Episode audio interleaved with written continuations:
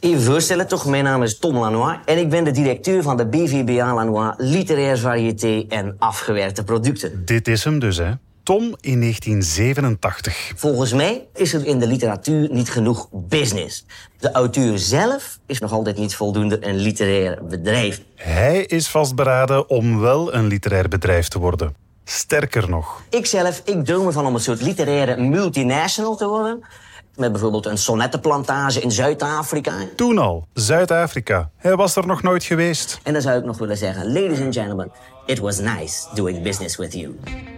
Ambitieus kereltje, hè? En het strafste is, hij zal een bedrijf worden. Een NV met literaire producten als kartonnen dozen, sprakeloos en de draaischijf. Een multinational zelfs, met toneelstukken die over heel Europa worden opgevoerd. En die sonnettenplantage in Zuid-Afrika, die zal er ook komen. Waar haalt dat kleine opdondertje het lef vandaan? Niet alleen om de eerste literaire ondernemer te worden, maar ook de eerste literaire performer. Want Tom Lanois bestormt begin jaren 80 het podium. Kijk, ik was al fan, maar ik ben het door het herbekijken van zijn vroegste optredens nog meer geworden. Tom is dan een punkdichter die op meesterlijke wijze zijn publiek bespeelt. Er moet er nog iets van het hart. Ik lees even voor. Het contract is dat duur van het optreden 5 à 7 minuten, tenzij het publiek daar uitdrukkelijk om verzoekt. Hey! Een slagerszoon moet je geen verkoopstrucs leren. Om het met mijn voorvaderen te zeggen, mag het iets meer zijn? Voor mij wel. We gaan nu over tot de stemming. De mensen die willen dat ik minder dan vijf minuten optreed, die scanderen... Tik-tak, Pontiac van de Boeinas is een zak. Ja? De mensen die vinden van wel, die scanderen VDB, weg RB. En geef toe, wie is daar nu niet mee mee? Van waar komt dat onuitputtelijke zelfvertrouwen? En van waar die tomeloze podiumdrift? Ik vraag het aan Tom zelf Ik ga dood van schaamte ongeveer. en aan de mensen die hem het beste kennen. Geeft Tom op podium en springt erop en zei mee. mee. Zoals Herman Brusselmans De baldadigheid, en Annie van Landegem. het lef Al 40 jaar Toms vaste redactrice. en uiteraard de geestigheid. Zij volgt Tom al van het prille begin. Het was ook een belevenis om dat jong klein ventje op een podium te zien staan met een allure van... Ik ben een vedette, wat hij toen nog niet was. In mijn jeugd schreef ik niet alleen gedichten, maar ook verslagen van historische bijeenkomsten. Zoals daar zijn bijvoorbeeld de Gulden Sporenslag.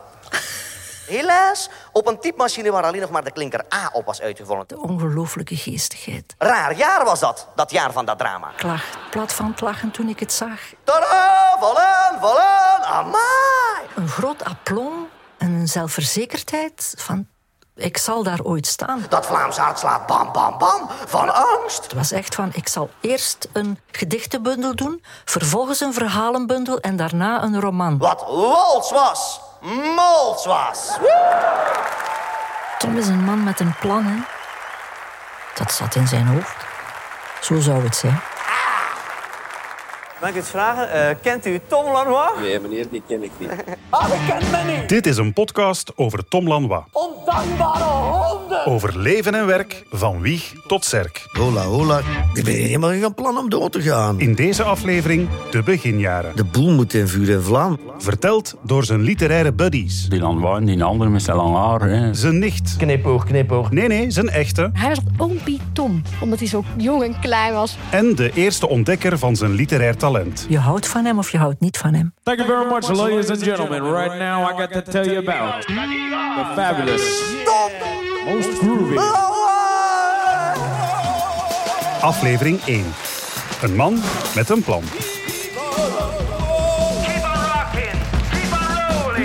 Dit is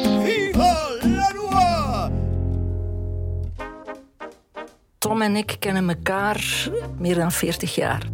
Hij is behalve mijn auteur, dat durf ik wel zeggen, is hij ook een zeer goede vriend. Ik vind wat Tom doet met woorden, dat is zoals Fred Astaire danst. Dat ziet eruit als een fluitje van een cent. Maar dat is het niet. En alles wat Tom schrijft, moet hij hardop kunnen brengen. Hij denkt al schrijvend al heel erg aan ritme, klanken, alliteraties, rijmen, binnenrijmen. Dat zit er allemaal al in als schrijvende. Al lezend hoor je het hem ook zeggen.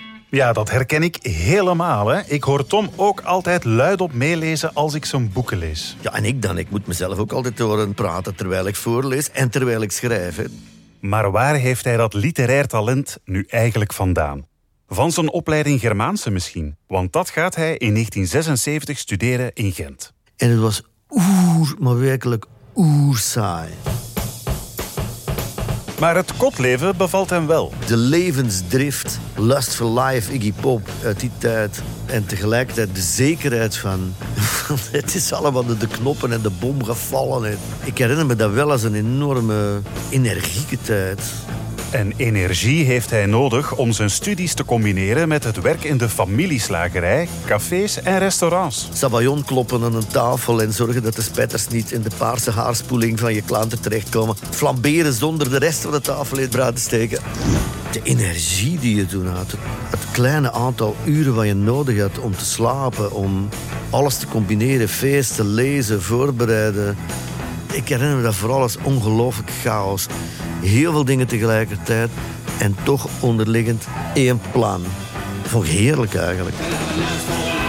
En dat plan verliest Tom niet uit het oog. Want hij begint ook ijverig zijn pen te oefenen.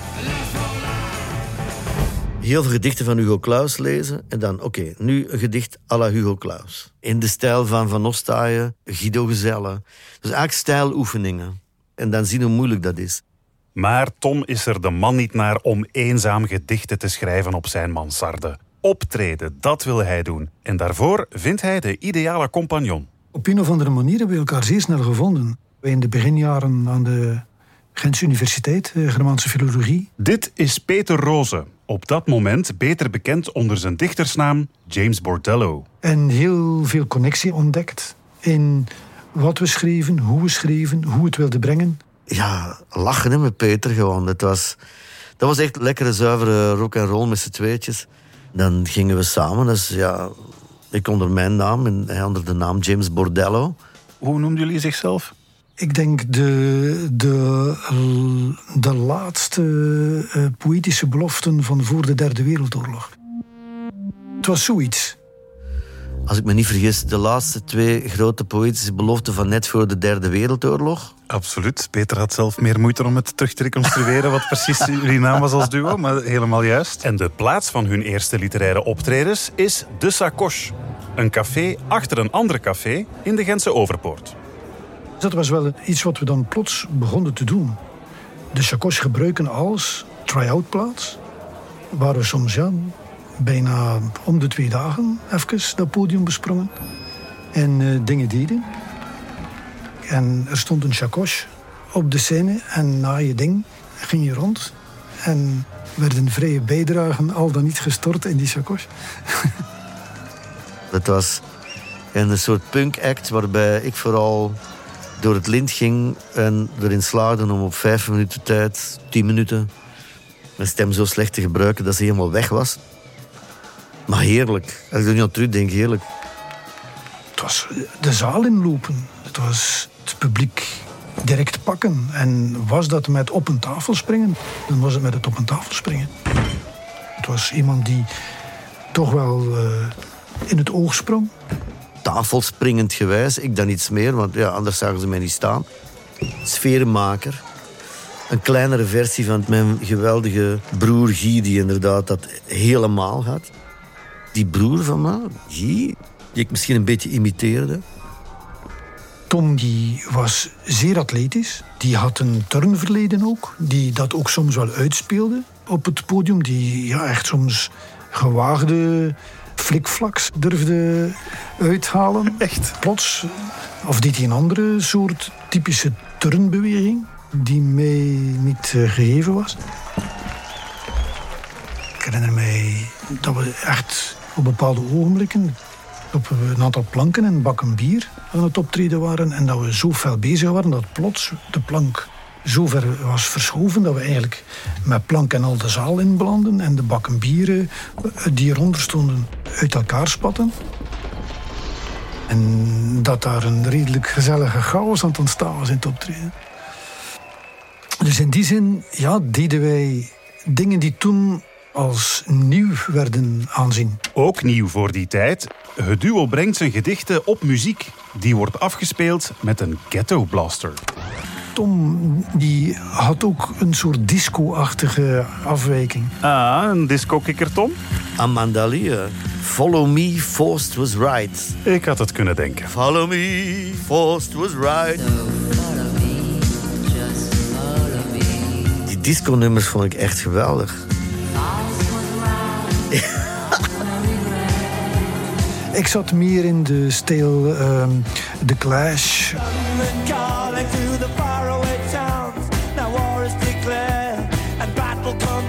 Wat we ook gebruikten was eh, Madness. Return of the Las Palmas.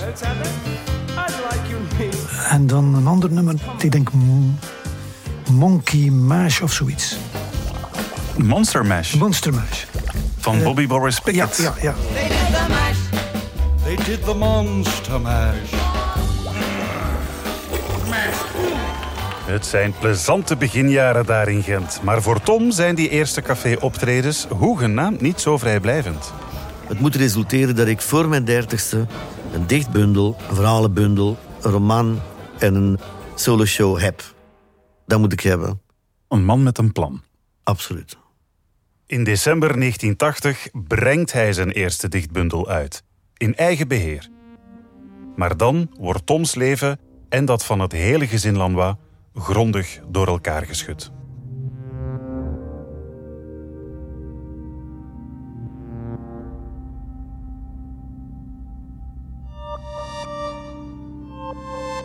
De nacht van 15 op 16 december 1980 reed mijn broer Guy een turnout tegen een boom en verloor het leven. De familie bracht hem over naar Sint-Niklaas, waar hij naar aloud gebruik werd opgebaard in een open kist, opdat zijn vrienden, van wie velen hem in jaren niet hadden gezien, een laatste groet zouden kunnen brengen. Zelf ben ik niet gaan kijken.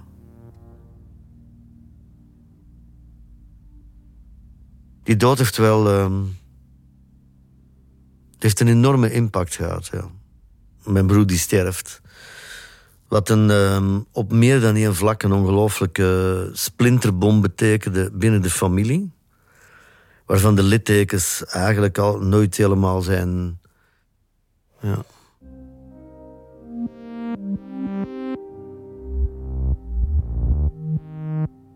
Eigenlijk is het heel simpel en samengevat. Dus hij is eh, dronken, behoorlijk eh, in de olie, eh, we zeggen, achter het stuur gekropen. En hij is eh, gewoon tegen een boom aangeknald. Dit is Eve Lanois, de dochter van Guy.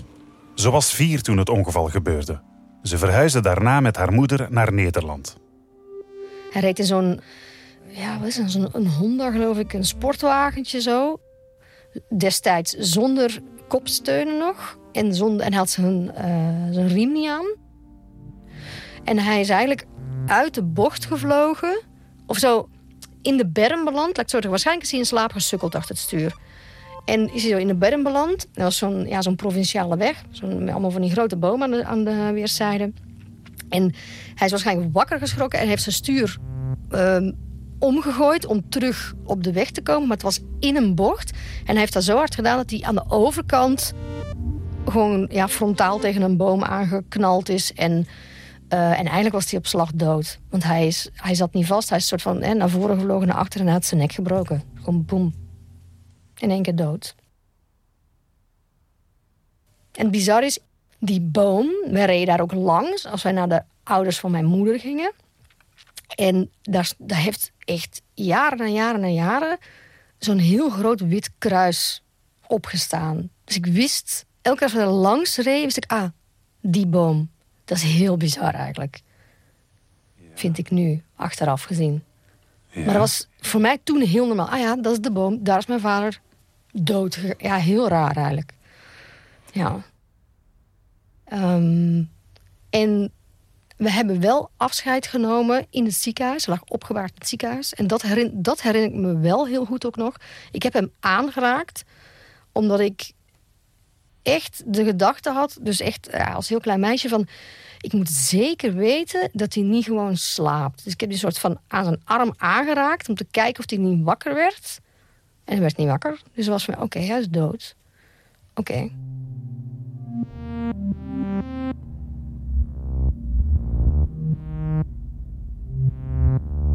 Eve verliest haar vader.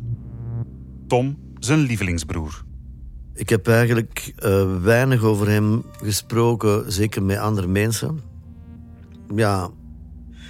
En ik zat ook wel in de knoop met, um, ik denk met sterven, sterfelijkheid, um, letterlijk.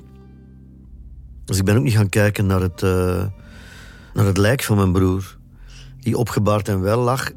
Ik ben niet willen gaan kijken.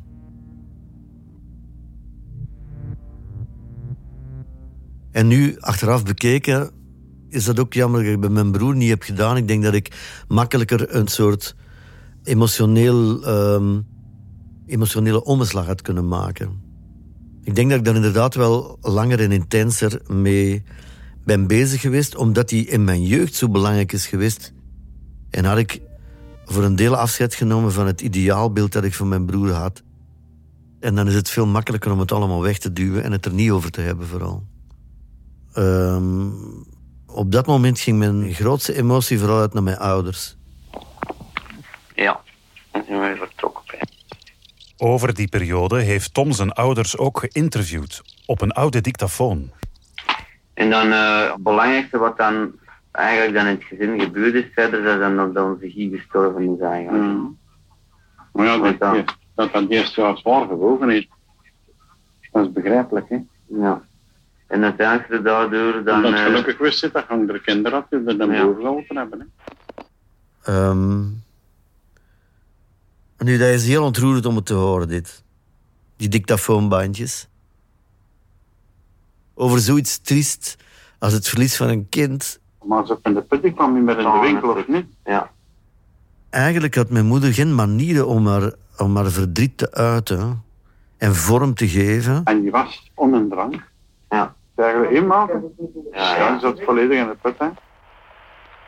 Ja, en dan, dan, dat, dus er hoorde dan ook bij dat ze inderdaad pillen en drank enzovoort. En dus niet meer in die winkel, want ze kon zich toch niet vertonen. En daar kon geen god tegenop. Ja. Om hier stoppen van. Ja, dat is goed, man. Hoe verschillend zijn vader en moeder met het verlies omgaan, daarover heeft Tom uitgebreid geschreven in Een slagerszoon met een brilletje en sprakeloos. Hoe hij zelf dat verlies van zijn lievelingsbroer verwerkt, daar heeft hij het veel minder over. En dat is ook zijn compagnon Peter Roze opgevallen. Um, het gevoel soms is dat er een, een dat door het plotse overlijden dat er een aantal onuitgesproken dingen blijven. Maar die hij eigenlijk misschien had willen delen met zijn broer. Als ik het probeer terug te schakelen, denk ik dat in mijn, mijn vroegste jeugd dat dat eigenlijk het eerste ja, liefdesbeeld moet geweest zijn. Of, of een soort, ja... Uh, objet de désir, eigenlijk. Objet, hè? Dus echt wel gewoon kunnen zien hoe mooi iemand is... die bovendien zo populair is. Die had een enorme seksappeal, enorme... Ja, uitstraling en ook had heel mooi dik haar. Echt zo'n ja, Beatles-kopie. En toch gedaan gekregen van mijn moeder dat hij dan zo'n een uh, vloeren Beatles jasje kreeg, zonder kraag was dat, ja. Ja, en die was prachtig. En was tegelijkertijd, heeft mijn zus eigenlijk ongelooflijk gepest. Die er nogal jongensachtig uitzag, die het eerste meisje was. Het enige meisje in de familie. Uh, die kon niet... En als kind, je doet... Ik heb daar nu schaamtegevoelens, want je doet mee. Je pest dan mee. Dat is ook het beeld dat Eve van haar vader heeft meegekregen. Ja, hij was denk ik wel heel driftig ook. Een aparte mengeling van iemand die ontzettend eigenzinnig, koppig, eigenwijs is. Echt kan drammen. Zijn zin wil krijgen. Echt een gruwelijke pestkop kon zijn. Ook een vechtersbaas. En tegelijk is dat echt ja, een charmeur tot en met die iedereen om zijn vingers vindt. En echt zo, ja, een persoon als die binnenkomt is het van... Ah, het feest is begonnen gewoon. echt, hij komt binnen, het feest begint en mensen rond de vinger draaien. En soms alleen voor het plezier van dat te doen. Ja? Nu kijk ik naar mijn broer als iemand die echt wel enorm in de problemen zat. Maar het was heel moeilijk om echt een, een gesprek of een contact te hebben met hem.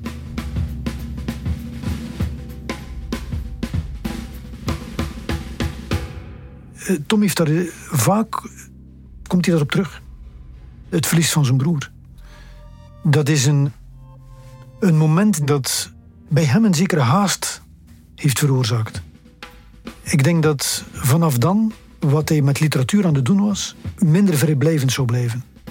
En dat er een soort haast was van, dit moet bij wijze van spreken een carrière worden.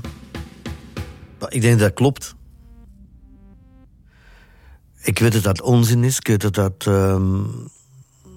eh, af en toe in de weg zit om gewoon weg te leven.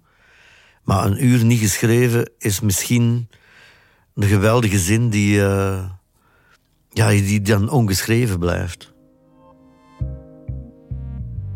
Dat werd heel concreet daardoor. En ook van hoeveel tijd blijft er dan nog over?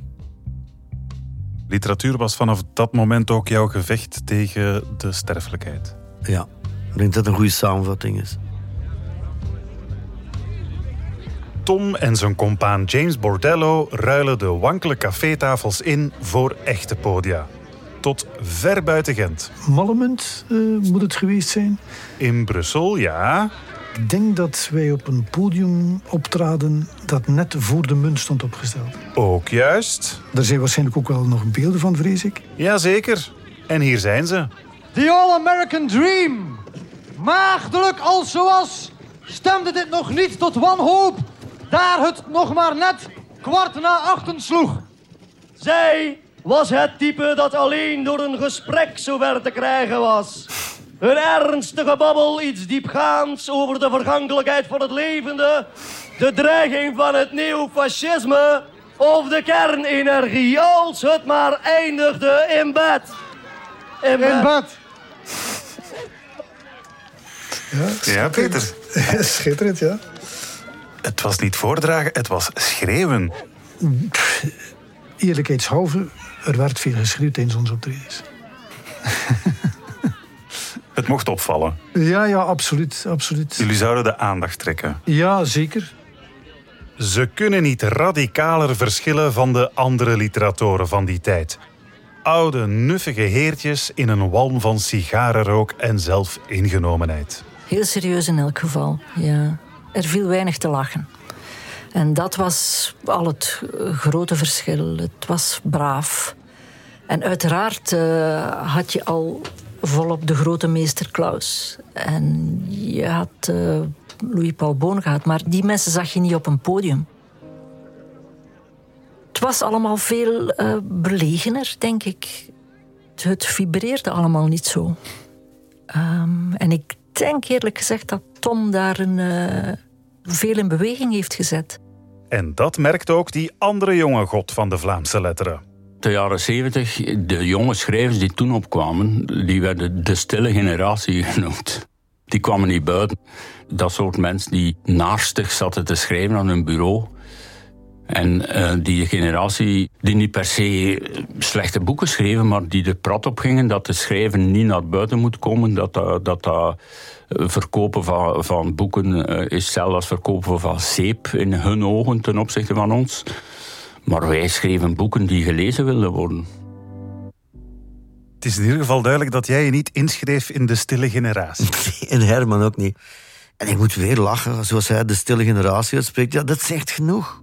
Had dan natuurlijk ook de oudere generatie, Ruisling, Clampo, Van der Loo, Klaus, Walter van den Broek. Maar die waren dan eigenlijk een beetje op de terugweg.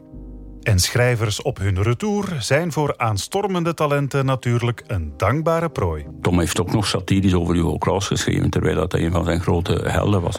Elk boek is een leugen. Er is geen enkele sprake van dat een boek de waarheid bevat. Dus we kunnen beter, geloof ik, op de droom rekenen en op de leugen. Een goede vadermoord is ook in de literatuur belangrijk. En dat waren de eerste kritieken die ik dan in De Zwijger schreef. Het eerste stuk daar was een stuk over Klaus en het verdriet van België. Was het niet een beetje opgevat als een soort fictief interview? Ja, ja dat was het Ja, eigenlijk. ja. Ik leg Klaus in de mond. Hola, hola, jij wilt mij hier een kloot aftrekken, zeker? Bedoelt u het Nederlands zoals u dat op de televisie spreekt? Dat pafferige toontje, die pedante lip, dat mondje vol pseudo-Amsterdams, dat gammelen aan één kant loshangende onderkaaksbeen. Nog een geluk dat u van die fabelachtige wangbuidels hebt, dat leidt de aandacht af. Elk boek is een leugen. Dus we kunnen beter, geloof ik, op de droom rekenen en op de leugen. Prima werk, toch? Maar heel lang heel morrend overgebleven is. Ook toen we hem dan al veel beter kenden, kwam hij er nog altijd op terug, vond ik zo komisch. Hij ziet dat ook grote mensen toch een klein keffertje in zich altijd nog eh, bewaren. Maar dat hoort er dan bij. Hè. De vadermoord op Daddy Klaus. Ja, tuurlijk wel. Dat is nodig. Dat is echt, je moet, je moet ja, je elleboogje, hoe klein het is, zetten en opzij. Hier zijn we. En reken maar dat Tom klaar is om zijn plaats in de Vlaamse literatuur op te eisen. En zo verschijnt hij ook op de radar van de dan nog piepjonge uitgeversredactrice Annie van Landegem. De eerste keer dat ik Tom heb zien optreden was in 1981 in Vooruit op een benefietavond voor de morgen. Daar kon alles bij elkaar zeker duizend man binnen. En de trappen zaten ook vol. Ik zat helemaal bovenaan. En plotseling kreeg je daar toch een duo die opkwamen. En die hadden een heel lange naam. En ik weet niet of ik hem uit het hoofd kan herhalen. De laatste, puntje, puntje, puntje, voor de derde wereldoorlog of zo. Dat is de laatste twee grote beloften. Hè? Maar goed, ja, ja sorry. Ja, okay, ja. ja, dat moet juist. Ja, ja. En wat ik mij daarvan herinner, was weer het plezier. En dat Tom op een gegeven moment een heel klein gedichtje, kun je het noemen, over Gent Ik weet dat sowieso O-Gent begon. En dan Veldstraat, Uppel de Pub, nog iets en Gravensteen. En toch ben ik alleen. Nee, is het niet? O, Gent, Veldstraat, Korenmarkt, veel volk op de been. Maar toch ben ik alleen. Hij zegt dat een paar keer en roept dan plotseling allemaal. En hij is er dus in geslaagd om die duizend mensen dat drie keer na elkaar te doen zeggen. O, Gent, Veldstraat, Korenmarkt, veel volk op de been en toch ben ik alleen. O, Gent, Veldstraat, Korenmarkt, veel volk op de been en toch ben ik alleen. Dat lef, die baldadigheid, dat anders doen. Niet, er komt een dichter op en ik lees u nu mijn laatste gedicht, bijna slaapverwekkend. Dat was uitgesloten. En ik vond dat merkwaardig.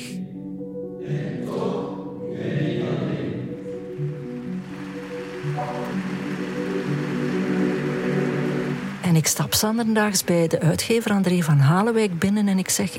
Nou heb ik gisteren toch iemand aan het werk gezien Volgens mij kent over vijf jaar heel Vlaanderen die. Een beetje profetische woorden. Ik wacht mij daar normaal gezien niet aan. Maar dat is dus wel gebleken. En ik moet er ook bij zeggen, de naam Lanois was mij niet vreemd, omdat ik zijn zus kende. Annie was ook bevriend met mijn zus, hè. En zij zat, ik denk, één of twee jaar lager dan mijn zus. Dus misschien was het ook door de Waasland Connection. Waasland Connection. Ik ging Germaanse studeren, zij rechten. En omdat ik pendelde naar Leuven, zag ik haar heel af en toe in de trein. En op, zo'n ochtend toont ze mij plotseling een uh, boekje van haar broer. Ze zei: Mijn broer heeft een dichtbundel uitgegeven in eigen beheer. En ze liet mij dat zien. En ik denk dat ze ook exemplaartjes in haar tas had zitten om eventueel te verkopen. Dat soort fan was ze ook wel. Het was een flinterdun geniet kartonnen covertje met wat papieren. Ik heb daar eens snel naar gekeken en eerlijk gezegd, ik dacht, ja, het zal wel. Maar toen zag ik hem dus 81 in vooruit. En toen dacht ik, ja, dat is die. En dan ben ik beginnen opletten van waar treedt hij op. En ook met wie? Halverwege de jaren tachtig bundelt Tom de krachten met een andere studiegenoot uit de Germaanse. Een totaal onopvallende figuur. Uh, ja, toen kort haar en zo toen, hè. Met zijn carnarchier ging die dan uh, keurig vooraan zitten. Boekentas, dat, hè? Uw carnarchier. die keurige ex-studiegenoot Herman Brusselmans. Ik heb Herman eigenlijk maar later leren kennen en puur vanwege zijn schrijfstijl. Het is eigenlijk de literatuur die ons samengebracht heeft. Tom heeft zijn debuut Het Zinneloze Zeilen gelezen en is verkocht. Ik las dat en ik dacht van dit is echt een authentieke, geweldige stem. Die stijl was er toen al. En dan zijn we bevriend geraakt, ook al omdat ik wou optreden. Hij zei, ik kan dat niet. Hij zei, ja, je moet gewoon mee. En die zei tegen mij, jij moet meegaan als mijn voorprogramma. Maar ik was als de dood voor het podium. Dat was echt niet voor mij. Maar ik moest hem toen echt, uh, je houdt het niet voor mogelijk, maar in de openbaarheid duwen. Tom bleef maar aandringen en ik ben dat dan beginnen doen. Ik doe het nog altijd. En dan herinner ik mij vooral een optreden in de Chacos. En ik herinner mij dat wij bekogeld werden met bier, plastic bekertjes. Maar dat wij toch iets teweeg brachten met dat publiek. En Tom zei tegen mij, zie je wel, weet je wel, dat werkt, dat lukt. Je moet dat blijven doen, je moet dat meer doen. Je moet met mij op de baan. Dus uh, ben ik blij dat Tom mij over die streep getrokken heeft. Over de streep en in zijn auto. Literaire avonturen tegemoet in zijn geel-zwarte De Chevaux. Tom was chauffeur met zijn 2 pk. Waarbij dat ik mij een rit herinner dat uh, buiten, denk ik, 30 graden was. En dat de chauffage van zijn 2 pk geblokkeerd was, ook op de hoogste stand. In een temperatuur van 70 graden. Ik herinner mij toen dat ik thuis kwam op de Sint-Quintusberg. En ik de deur opende en dat ik uit die auto viel. Van de hitte, zo.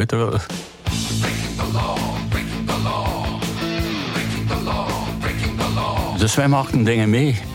Toen waren wij tafelspringers die vanuit het niets kwamen. Hè. En toen was er een bus rond van ja, die Lanois en die andere met zijn lang haar. Hè. We gaan er eens naar kijken enzovoort. Wij verkochten veel boeken. We waren een soort nieuwe generatie. De nieuwe stemmen, Tom en ik. Maar goed, we willen ook in een bepaalde traditie staan, want er is een beroemde foto met Tom erop. De vier generaties, Walschap, Klaus van den Broek en Tom Lanois. Dus wij lachten wel eens. En we pakten literatuur satirisch en zelfrelativerend aan, maar wij namen ons vak, het schrijven en het performen, zeer serieus. Herman en ik werden letterlijk eendagsvliegen genoemd. Hè? Dat was te veel popcultuur eigenlijk en dat mengde zich niet zo goed met literatuur. En wij lachen er nu nog altijd mee, 40 jaar later. De langstlevende eendagsvliegen aller tijden. Dus wij zetten ons niet af tegen de literatuur. Wij willen ertoe behoren, maar wel op onze manier. Maar als ik Herman terugzie, dat is zo mijn buddy in de literatuur. We zijn broers. Ja, dat is uh, forever. Ik smelt. Herman is echt uh, zo dicht als een, een, nieuw geadopteerde broer kan zijn. Maar ook zonder zijn nieuwbakken bastaardbroer oogste zelfverklaarde relnicht en ontregelneef reuring en kabaal. Zoals in 1988 tijdens een literair event in de Bozar. Acht Beaufort, weet je dat nog? Ja. Weet je nog hoe je toen bent opgekomen? Ik weet dat het een begrafenisstemming was. Ik kwam van ergens anders. Ik zat al vol adrenaline. Ik dacht van, dit is echt gewoon zo dood hier. De boel moet in vuur en vlam. Hij is overal tegen en lacht met alles. Hij is cynisch, maar ook heel teder. En hij is schrijver en performer. Tom Lanois. Tom die opkomt met in zijn hand in elk geval een soort uh, ghetto blaster heette dat toen, denk ik. Ah, is hier ook. En de, dan inderdaad plotseling zeggen, ah, de BRT is hier ook. En dan voor de camera gaan staan. En een schunnige beweging was een masturbatiebeweging. En zegt dan... Wie wrijft, die blijft. In plaats van wie schrijft, die blijft. Zo heette het uh, boekenprogramma toen. Uh, ja, Veritom. En daarom heb ik een gedicht over geschreven en dat heet... Kom toch terug, stomme klootzak. En dat gaat eigenlijk over de onmogelijkheid van taal. Dat is een publiek gelijk inpakken, hè. Daar is hij altijd ongelooflijk goed in geweest. Dat was het voor vanavond. Ah. Was Tom ook een controversieel figuur in die, uh, in die begindagen, in die, ja, die jaren tachtig? Mensen moesten eraan wennen. Dat in elk geval. Controversie. Ik denk niet dat hij dat per se opzoekt. Maar hij is dat wel altijd gebleven. Je houdt van hem of je houdt niet van hem. Hij heeft heel erg getoond dat het anders kan. En dat het levendig kan. Dat een beetje brutaliteit de zaken eh, levendiger maakt. En of Tom die jaren 80 levendiger heeft gemaakt. Want wat was ook alweer zijn plan? Ik wou voor mijn dertigste minstens een soloshow. Check. Een poëziebundel. Twee zelfs. Een verhalenbundel. Een slagershow met een brilletje. En een roman. Ook dat, want in 1988 verschijnt Alles moet weg. Nee, nee, nee, nee, nee. Alles moet weg. En dat literaire bedrijf waar Tom als jonge snaak al van droomde. De auteur zelf is nog altijd niet voldoende een literair bedrijf. Ja, Tom is een man met een plan. Hè. De NV Lanois bestaat inmiddels. Hè. Met bijvoorbeeld een sonnettenplantage in Zuid-Afrika. Die literaire multinational en dat het meer een bedrijf moest zijn. Op die sonnettenplantage na is het eigenlijk toch allemaal verder gekomen. Ja. Zo. En is het geen BVBA geworden, maar ineens een NV. Op zijn 34ste verjaardag wordt de notariële akte van de NV Lanois verleden. Voor meester Johan Verstraeten, notaris te Sint-Niklaas met standplaats Sinaai, werd op 27 augustus 1992 de authentieke stichtingsakte verleden van de naamloze vennootschap Lanois. Ik vond literatuur in zijn uitvoering te weinig professioneel. En daar wou ik eigenlijk niet aan meedoen. Maar de koppigheid en tegelijkertijd het inzicht van ik ga dat doen. Ja, ik ben eigenlijk nog altijd de opdracht van eh, die kleine koppige klootzak aan het uitvoeren. Deze opsomming is in geen geval beperkend. Tom Lanois, gedelegeerd bestuurder. En samen met de plechtige oprichting van de NV Lanois verschijnt ook zijn tweede, misschien wel bekendste roman. In die kartonnen dozen moeten we toch ook eens kijken. En dan zou ik nog willen zeggen, ladies and gentlemen, it was nice doing business with you. Toodaloo.